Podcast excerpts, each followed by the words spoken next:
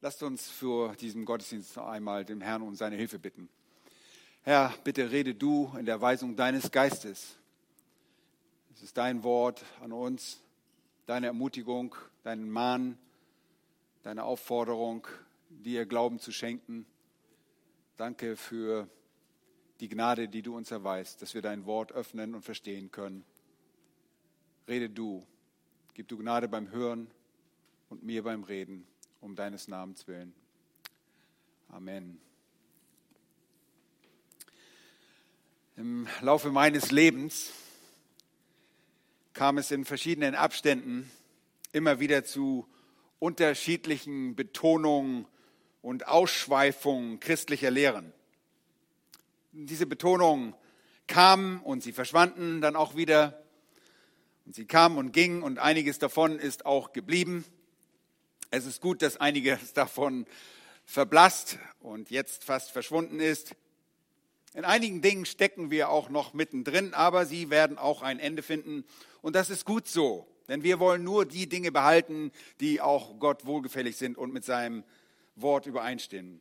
Und es gibt andere Dinge, die in, der, in Erscheinung getreten sind und sich auch regelrecht festsetzen wollen, eine ganze Weile schon existieren, bevor sie aussterben. Und dazu gehört eine Art des äh, historischen Quietismus. Das ist eine Bezeichnung, die eine geistliche Haltung der Quäker in ihrem Leben definierte.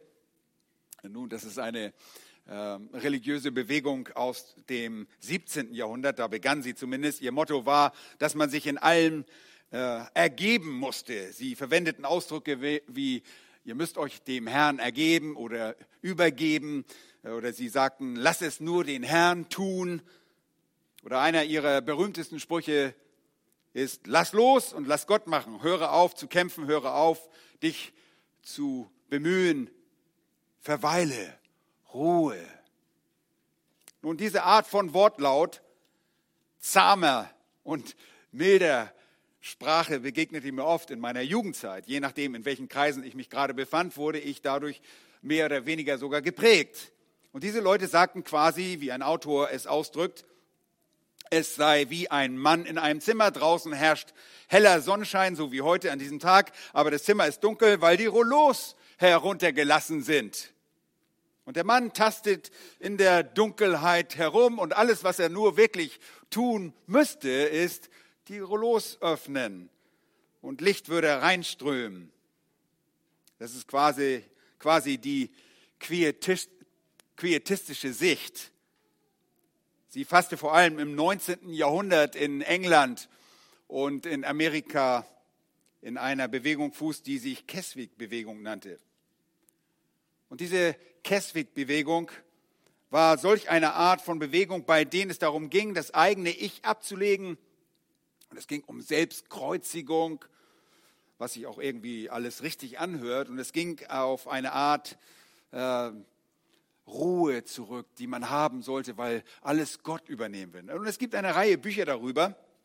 Aber der Gedanke dahinter war, wenn jemand ein erfolgreiches, äh, ein gesegnetes christliches Leben führen wollte, dann musste er sich einfach nur Gott ergeben ja, mit einem verklärten Blick reinblicken und einfach Gott machen lassen. Ansonsten konnte man einfach passiv sein. Und sie sagten Sachen wie, Heiligkeit kommt durch Glauben, allein in Christus, nicht durch eigene Anstrengung. Wir tun unseren Teil, indem wir uns ergeben. Gott gibt uns die Kraft. Nicht ich, sondern lass Christus machen. Nun, ein berühmtes Buch in dieser Richtung war Das Geheimnis eines glücklichen Christenlebens von Hannah Smith. Dieses Buch ist heutzutage kaum noch zu finden, obwohl es hier und dort noch äh, erhältlich ist und auch mal auftaucht. Aber auch diese Bewegung ist fast ausgestorben. Dem Herrn sei Dank, denn sie fußt wirklich nicht auf einer biblischen Wahrheit zum geistlichen Leben. Die biblische Haltung zum geistlichen Leben ist keineswegs zahm oder sanft oder sachte. Sie fordert euch nicht nur dazu auf, euch zu ergeben, euch zurückzulehnen und auszuruhen und einfach nur zu verweilen und das Gefühl zu pflegen, dass ihr für nichts außer einer Art von Selbstaufgabe verantwortlich seid. Nein.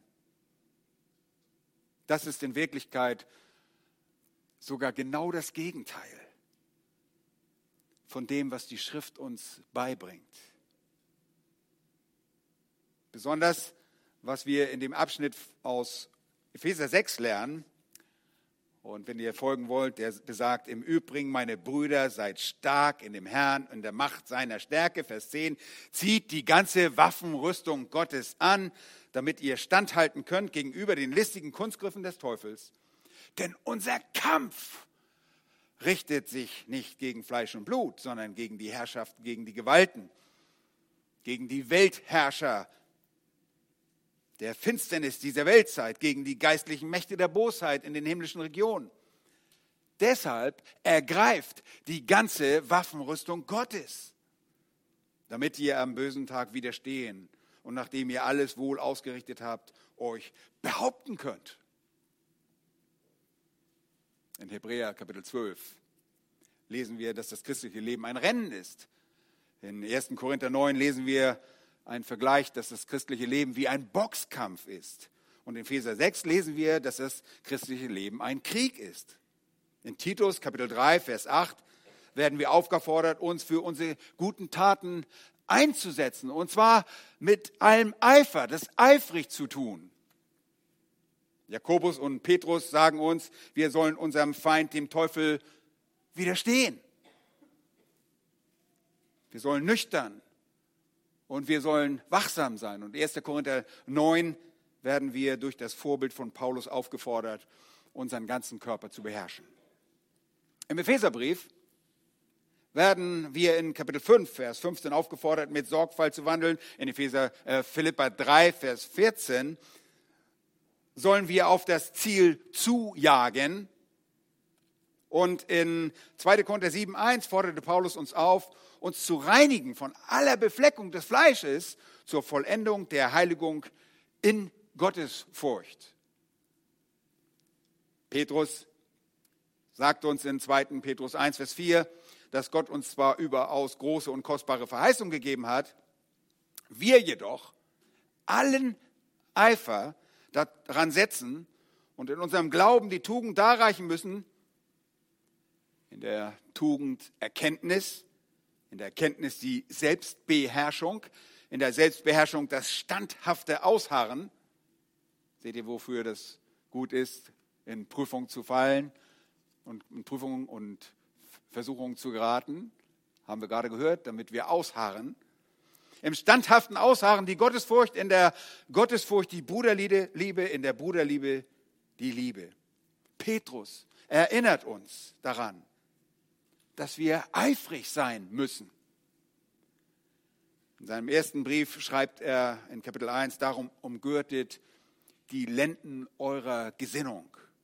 Vers 13 sagt er, seid nüchtern und setzt eure Hoffnung ganz auf die Gnade, die euch zuteil wird in der Offenbarung Jesu Christi als gehorsame Kinder.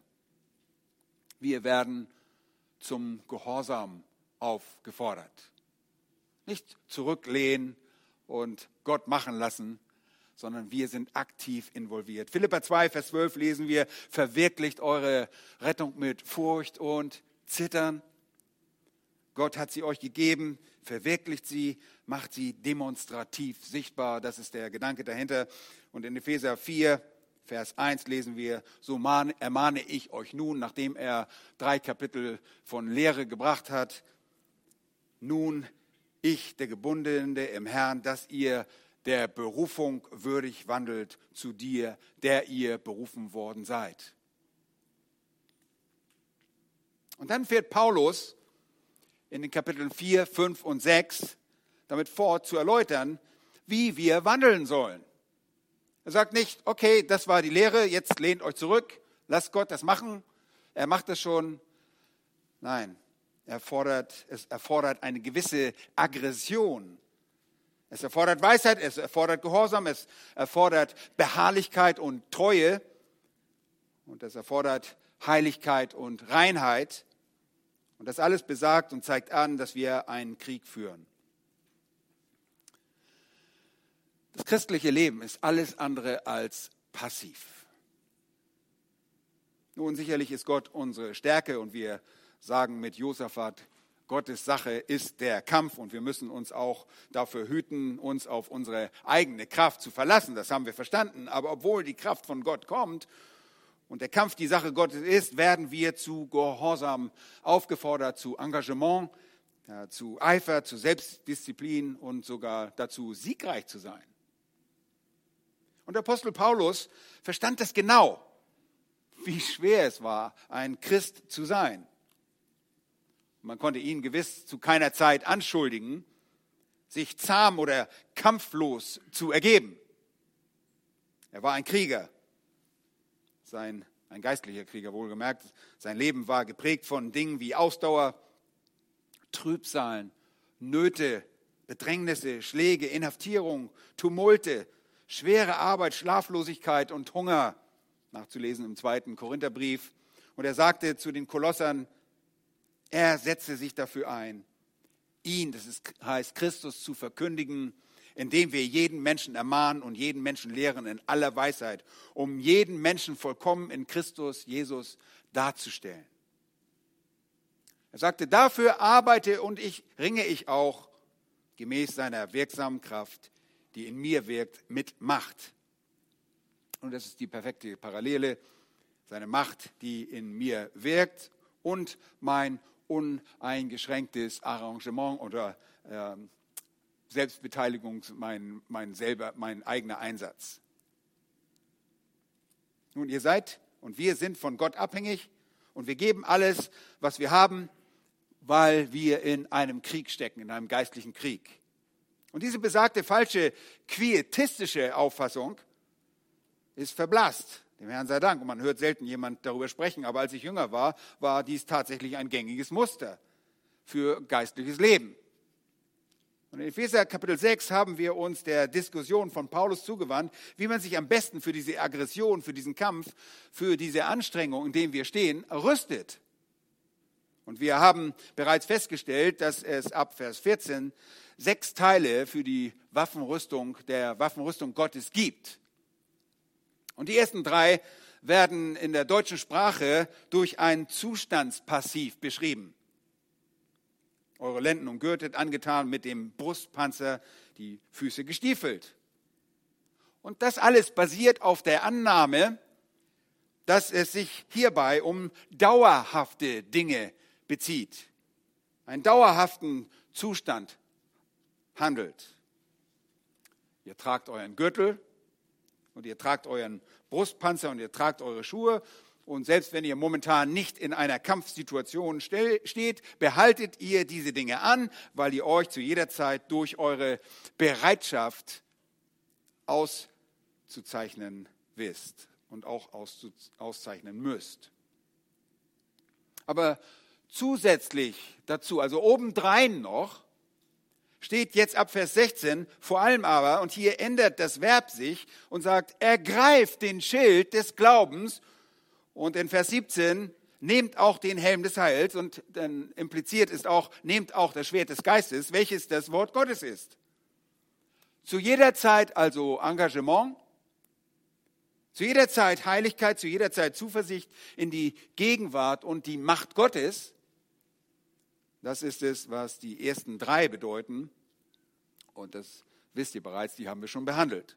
Und wir leben also mit unserem Bekenntnis zum Sieg, zurren die losen Enden, erinnert euch, die losen Enden der Tunika, aber die losen Enden unseres Lebens sind das natürlich fest, wie durch den Gürtel der Wahrheit und dieser zeigt Wahrhaftigkeit an. Und wir leben in Reinheit und Heiligung und das ist der Buspanzer der Gerechtigkeit, das ist die gelebte Gerechtigkeit. Wir leben unsere Füße gestiefelt mit der Bereitschaft des Evangeliums des Friedens, was uns äh, Zuversicht gibt, dass Gott auf unserer Seite ist. Wir haben Frieden mit ihm. Wir leben in diesem ständigen Zustand der Bereitschaft, Engagement, Heiligkeit und Zuversicht. Und wenn nun die Schlacht beginnt, nehmen wir den Schild des Glaubens auf, den Helm des Heils und das Schwert des Geistes. Und letztes Mal haben wir uns über den Schild des Glaubens unterhalten. Wir könnten sehr viel mehr dazu sagen. Man kann da sicherlich mehrere Predigten draus machen, aber ich denke, ihr habt verstanden, worum es dabei geht. Unser Glaube ist unser Schutz. Wir glauben Gott, wir trauen auf den Herrn. Und es ist der Glaube, der die Welt überwindet. Es ist Glaube, der Satan überwindet und Satan arbeitet, wie ihr euch erinnert, durch das System dieser Welt. Und wenn wir uns Versuchungen widersetzen wollen, müssen wir Gott glauben, nicht Satan. Und darauf läuft es letztlich hinaus, wie wir letztes Mal auch festgestellt haben. Und wenn wir die jeweiligen Versuchungen zurückweisen und ihnen im Glauben begegnen, und wir haben vorhin gehört, wir sollen uns freuen, wenn wir in diese Perasmus, in diese Prüfungen, Versuchungen hineinfallen und auf dem Pfad der Heiligkeit folgen, so sagen wir, ich glaube Gott, ich vertraue dir Gott. Ich glaube dir, ich glaube nicht Satan. Ich glaube Gott, ich vertraue ihm, ich vertraue, dass Erfüllung, Befriedigung, Freude und Segen durch Gehorsam ihm, äh, in ihm zu finden sind. Und so verhält es sich mit dem Schild des Glaubens. Und jetzt kommt ein weiterer Teil der Waffenrüstung Gottes. Das bringt uns zu diesem fünften Teil der Rüstung, der uns eine andere biblische Lehre für uns eröffnet. Vers 17 heißt es, nehmt auch den Helm des Heils. Den Helm des Heils. Römische Soldaten trugen Helme. Und sie wussten genau, dass die Schläge auf den Thorax tödlich sein konnten, weil dort ihre lebenswichtigen Organe sich befanden und befinden, heute auch noch. Deshalb trugen sie einen Brustpanzer. Sie wussten genau, dass ein Schlag auf den Kopf genauso tödlich sein konnte. Und deshalb schützten sie ihren Kopf mit einem Helm. Einfach zu verstehen, oder? Einige Helme aus vergangenen Zeiten waren aus Leder mit Metallstücken besetzt und die am Leder dann befestigt waren. Leder, damit man nicht Metall auf dem Kopf hat, das ist nicht so ganz bequem. Andere waren aus festen gegossenem Metall, ähnlich wie der Brustpanzer und wurden dann innen ein bisschen ausgekleidet, damit es nicht ganz so schmerzhaft war. Und der Zweck eines Helmes bestand darin, den Kopf vor allen vor diesen breiten Schwertern, die geschwungen wurden, zu schützen. Und in den Schlachten zu jener Zeit gab es kleine Schwerter, die Makeira, die vielleicht 30 Zentimeter oder kürzer waren. Und mit diesen Messern sozusagen, mit diesen Kurzdolchen, äh, wollte man dem Feind tödliche Stiche verabreichen. Aber es gab auch die Romfire, gewaltige zweischneidige Schwerter, die zwischen 90 Zentimetern und 120 Zentimetern lang sein konnten. Nicht 120 Meter, sondern 1,2 Meter, 120 Zentimeter.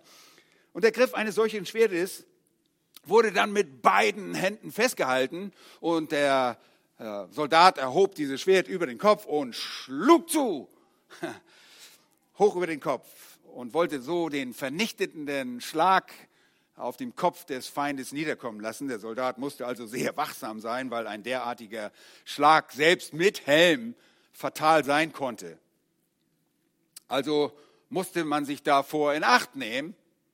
Man konnte nicht sagen, ich habe ja einen Helm auf, ist alles, ich bin Sicherheit. Man musste sich bewegen. Das war ein potenziell tödlicher Schlag.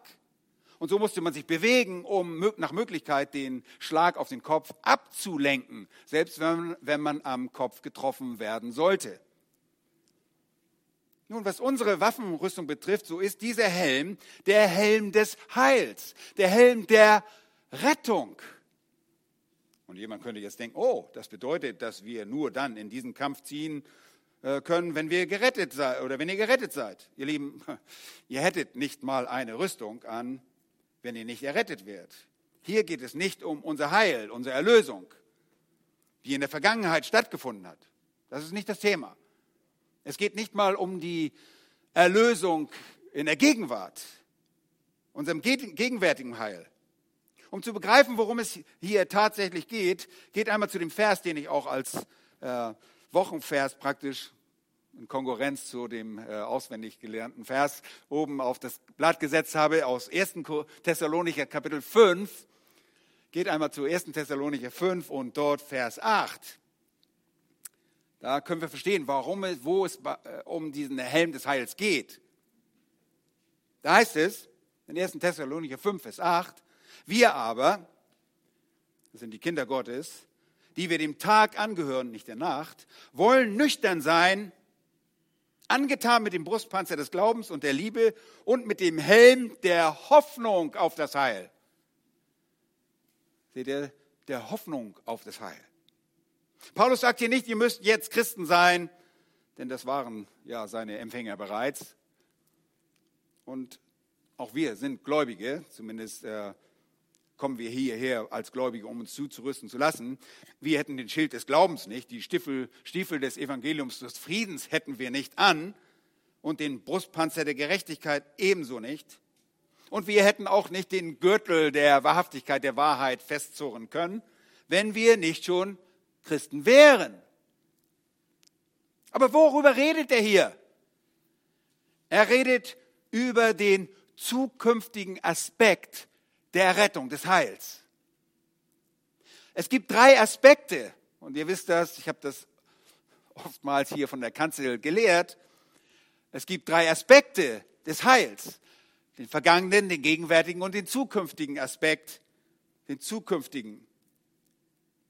Zu dem Zeitpunkt, als wir zum Glauben an den Herrn Jesus kamen, wurden wir von der Strafe der Sünde errettet. Das ist Vergangenheit. Damals, als wir glaubten, wurden wir gerechtfertigt. Das ist Rechtfertigung, das liegt in der Vergangenheit. Jetzt, gegenwärtig, befinden wir uns in der zweiten Phase der Errettung unseres Heils und werden ständig, wir werden ständig von der Macht der Sünde gerettet. In dem Sinne, dass die Sünde uns nicht mehr beherrscht. Fallen wir manchmal in die Sünde? Ja, das tun wir. Aber beherrscht sie uns dauerhaft? Nein. Wir fallen in die Sünde und reinigen uns, aber wir werden nicht dadurch gekennzeichnet, dass wir ständig sündigen. Wir sind davon befreit. Das ist die aktuelle Phase, die gegenwärtige Phase. Wir nennen es auch die Heiligung. Wir stehen in der Heiligung.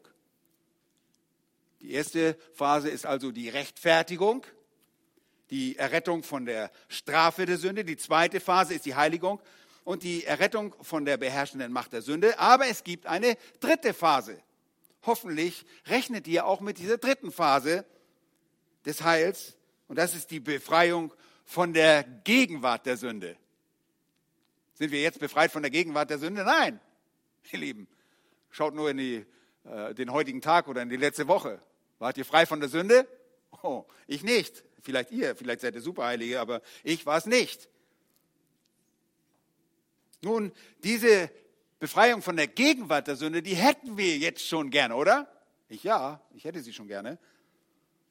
Aber in dieser dritten Phase der Rettung, um diese Phase geht es, ist die Phase der Rettung, die sogenannte Verherrlichung. Wir werden eines Tages verherrlicht.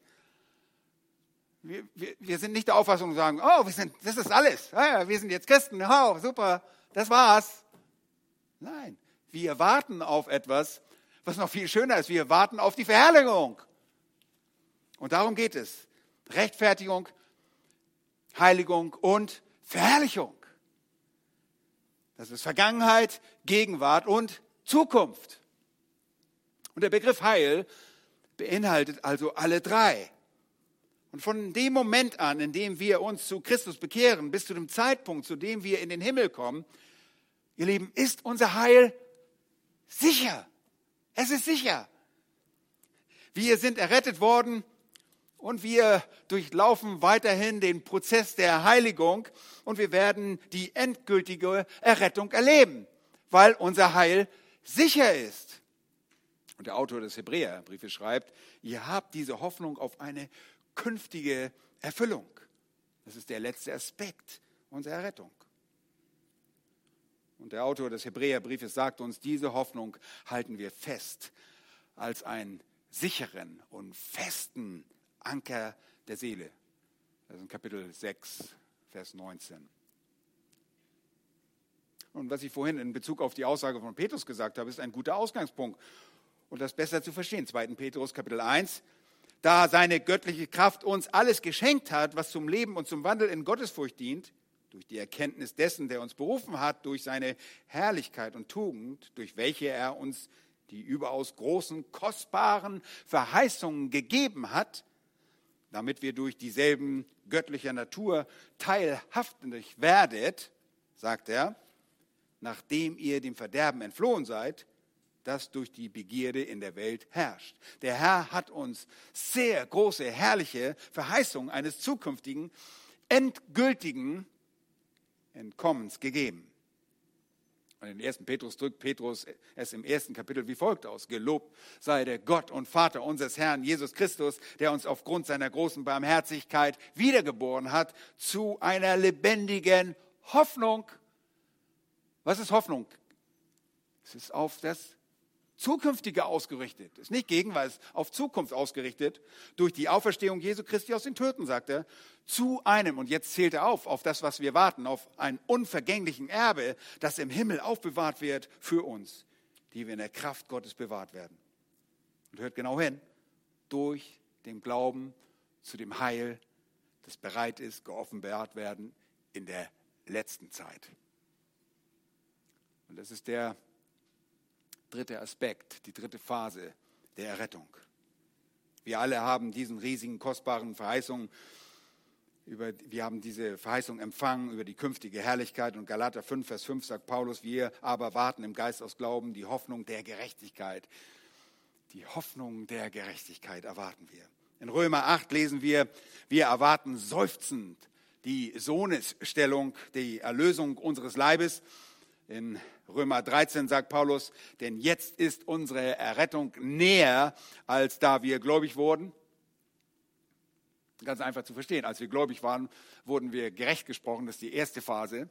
Jetzt sind wir wo? In welcher Phase? In der Heiligungsphase. Also sind wir der dritten Phase schon viel näher als in der ersten Phase.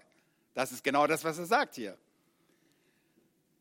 Und wir empfangen derzeit das Heil in seiner zweiten Phase und wir sind sogar näher an der Fülle unserer Errettung als zu dem Zeitpunkt, als wir gläubig wurden. Also, worüber reden wir also, wenn wir vom Helm des Heils sprechen? Wir reden ganz einfach von der Zuversicht in ein vollkommenes, endgültiges Heil, wenn wir verherrlicht werden. Nun, wie ist das ein Bestandteil unserer Rüstung? Wenn wir glauben, dass wir unser Heil verlieren können, ihr Lieben, dann wären wir sehr schlecht für den Kampf gerüstet. Wenn wir nicht sicher sind, ob wir gewinnen können, dann werden wir eher versucht werden, so eine Art Mönch zu werden, um zurückzuziehen, damit wir ja allen Einflüssen dieser Welt äh, nicht ausgesetzt werden, damit wir uns selber bewahren. Aber ihr wisst, das ist ein Humbug. Aber das macht einen gewaltigen Unterschied, wenn wir wissen, unser Heil ist fest und sicher. Ihr Lieben, die Wahrheit ist, wir können nicht verlieren. Das ist die Verheißung der Schrift. Und in 2. Korinther 2 verheißt uns, 2. Korinther 2 verheißt uns den Sieg. Gott lässt uns alle Zeit in Christus triumphieren. Dort in Vers 14 könnt ihr nachlesen wenn wir irgendeiner fehlgeleiteten Theologie unterliegen, die besagt, dass wir bei dem geringsten Fehltritt unser Heil verlieren, dann sind wir für den geistlichen Kampf schlecht gerüstet. Wir wären nicht gut gerüstet, um in das Feuer zu greifen und Äste aus dem Verbrennen zu retten, um die Sprache des Jakobusbriefes zu verwenden. Wir wären nicht gerüstet, um in die Nähe des Feindes zu kommen, weil wir durch Furcht angetrieben werden würden. Immer mit Angst, oh, kann ich mein Heil verlieren? Wenn wir dann wirklich bedroht werden, dann fürchten wir uns. Wir hätten nicht das Herz eines Siegers, die den Triumph kennen und die ihres Sieges total sicher sind. Demzufolge können wir durch Zweifel und Furcht angetrieben werden, aber jedes noch so kleine Problem wird dann zu einer gewaltigen Entmutigung. Und wir kennen das auch. Wenn wir zweifeln, dann sind wir entmutigt. Seht ihr, es ist das gute Wort des Helmes. Der Helm, der uns vor einem tödlichen Schlag schützt. Alle Schläge, die quasi versuchen, unseren Kopf einzuschlagen, unser Heil auszulöschen, werden durch die Wahrheit abgelenkt, dass wir Gerettete sind, dass wir den Sieg haben und den Sieg davon tragen werden. Oh. Wenn du denkst, oh ja, ich bin aber vielleicht nicht gut genug gewesen, wisst du das? Dann würdest du jeden Tag dein Heil verlieren. Das wäre ein schlechter Helm. Das wäre kein Helm des Heils. Ich glaube nicht, dass ich ein Diener Gottes sein könnte, wenn ich mir gleichzeitig Sorgen machen würde, dass ich bei jedem falschen Tritt oder Schritt oder einer Sünde mein Heil verlieren würde. Ich hätte sie schon tausendmal verloren.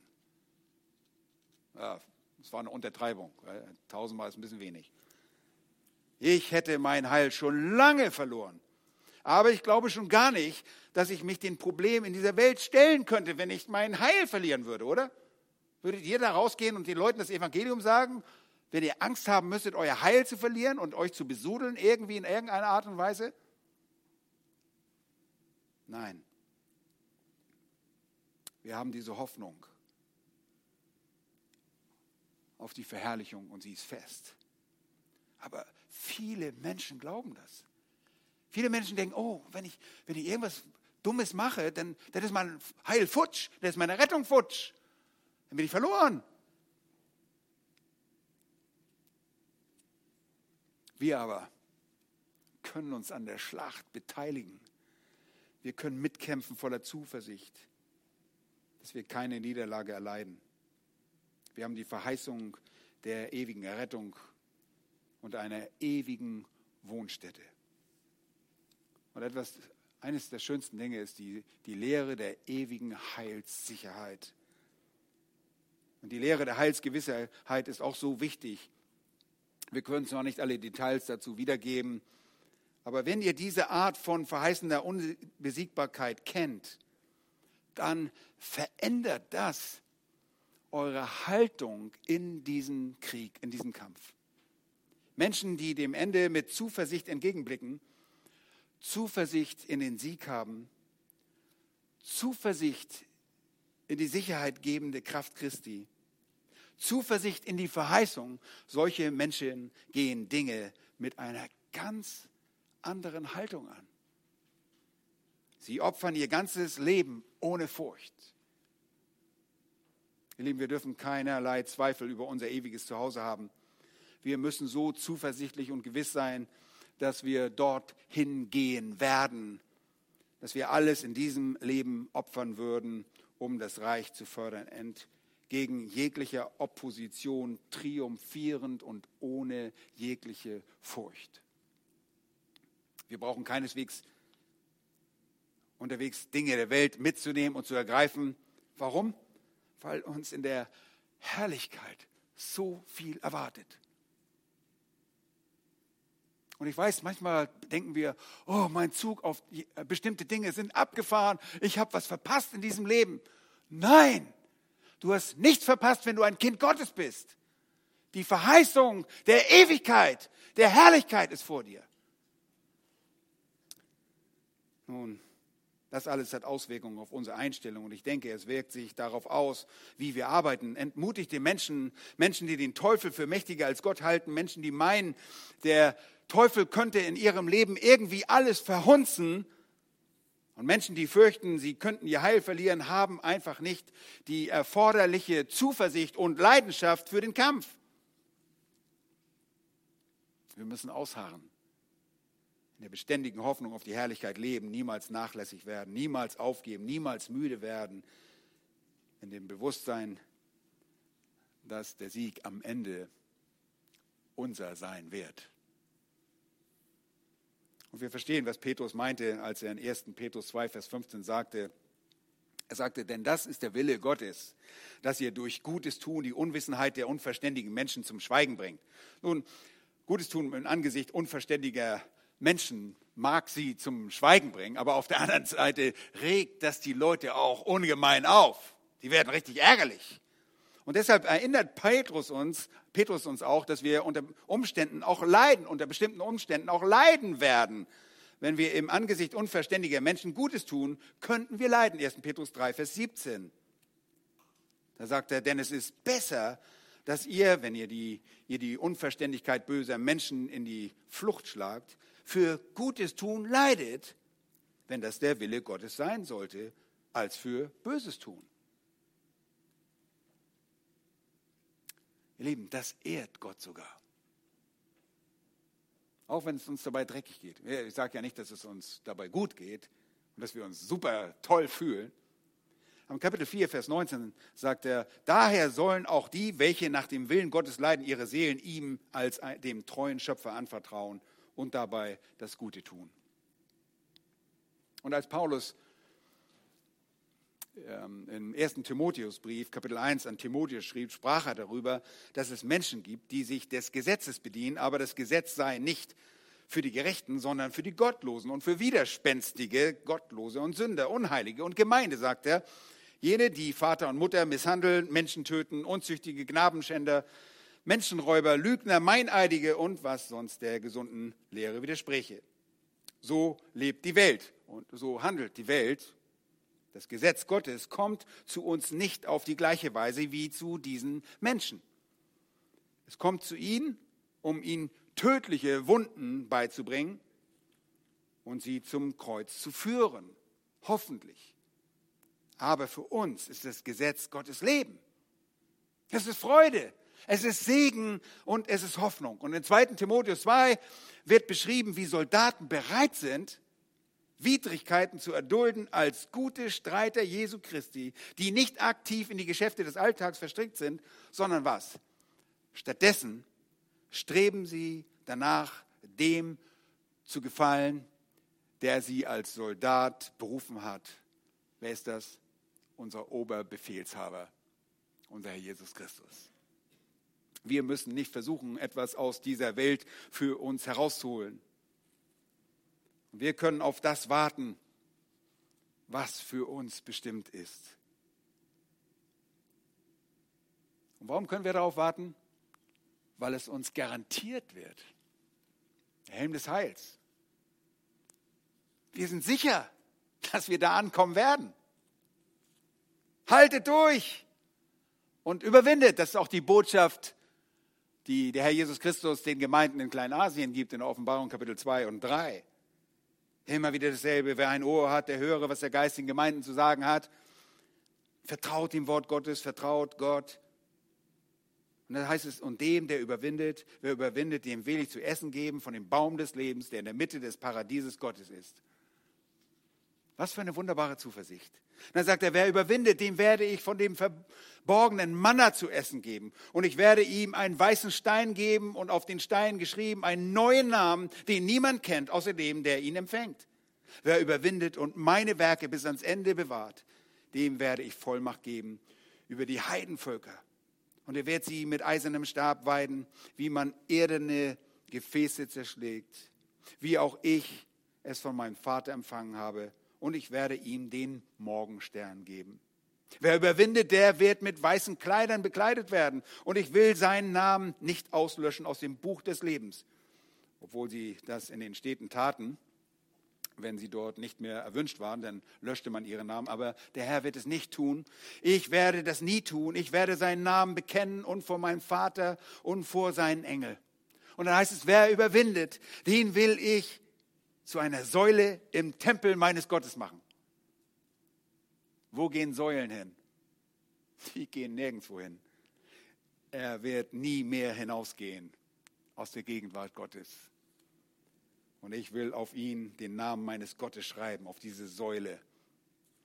Den Namen der Stadt meines Gottes, den, des neuen Jerusalem, das vom Himmel herabkommt, von meinem Gott aus und meinen neuen Namen.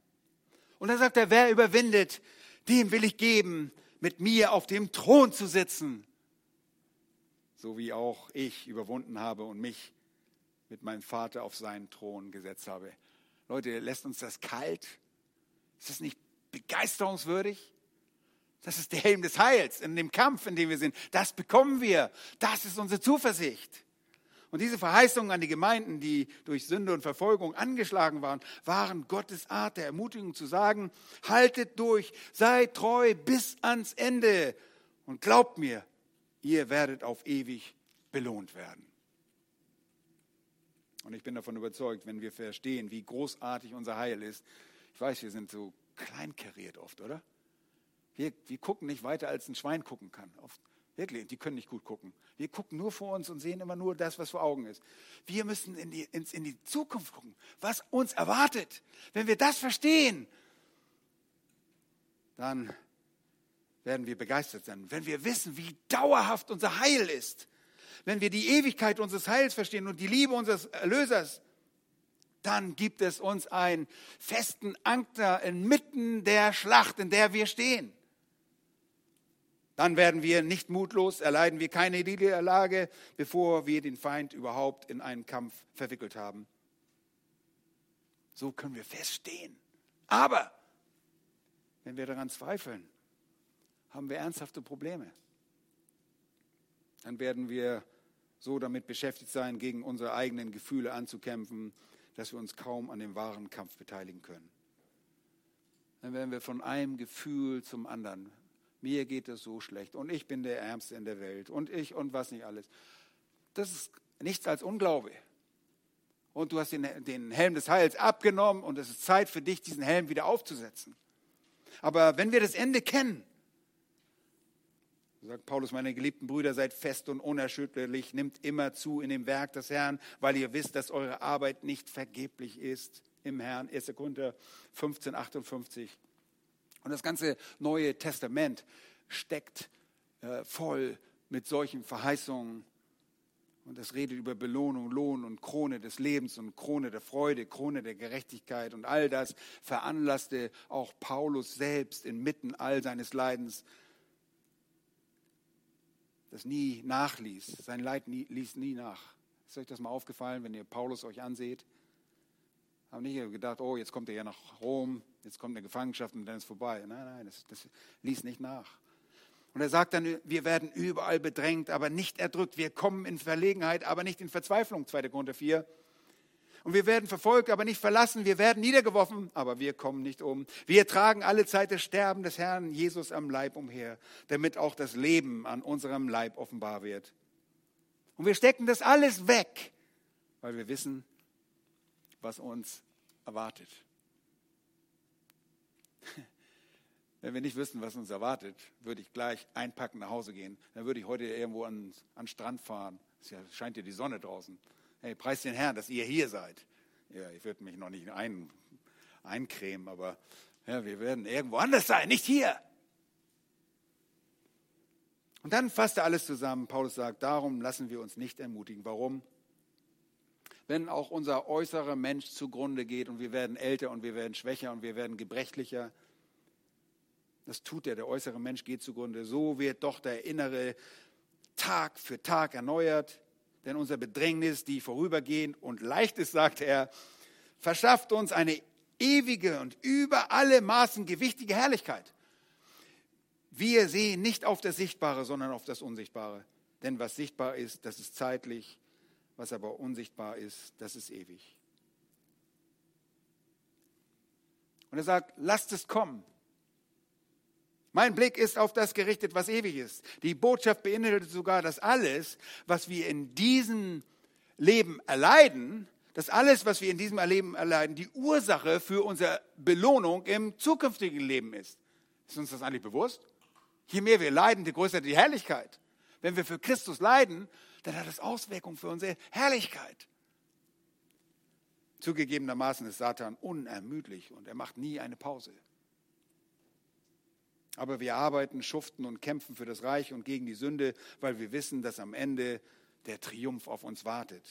Und der Helm des Heils ist diese absolute Zuversicht in die errettende, bewahrende Macht von Gottes souveräner Gnade.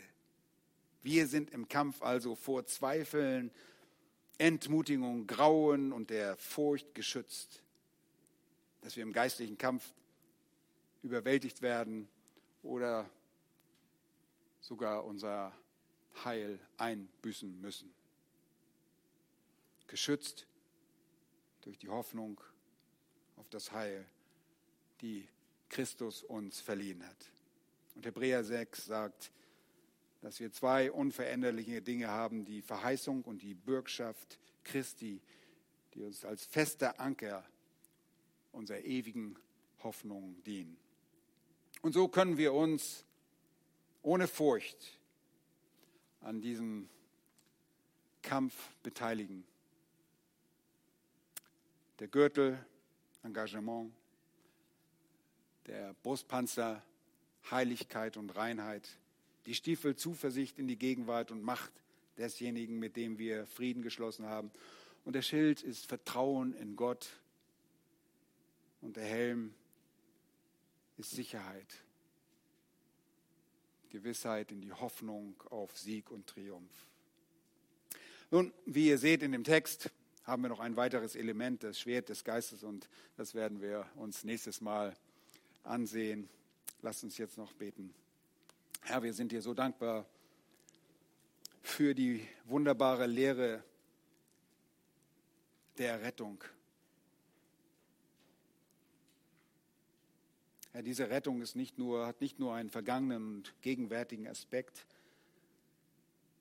sondern das, was uns motiviert in allen Schwierigkeiten unseres Lebens, in jeder Anfechtung, in jeder Prüfung, ist die Tatsache, dass du mit uns zum Ende kommst, dass du uns verherrlichen wirst.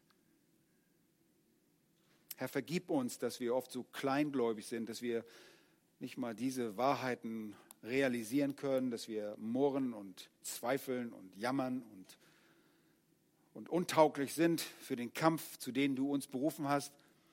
Wir wollen neu Mut fassen, Zuversicht und uns durch nichts niederreißen und niederringen lassen sondern in Zuversicht auf das, was du gesagt hast, wollen wir die losen Enden unseres Lebens zusammenzurren.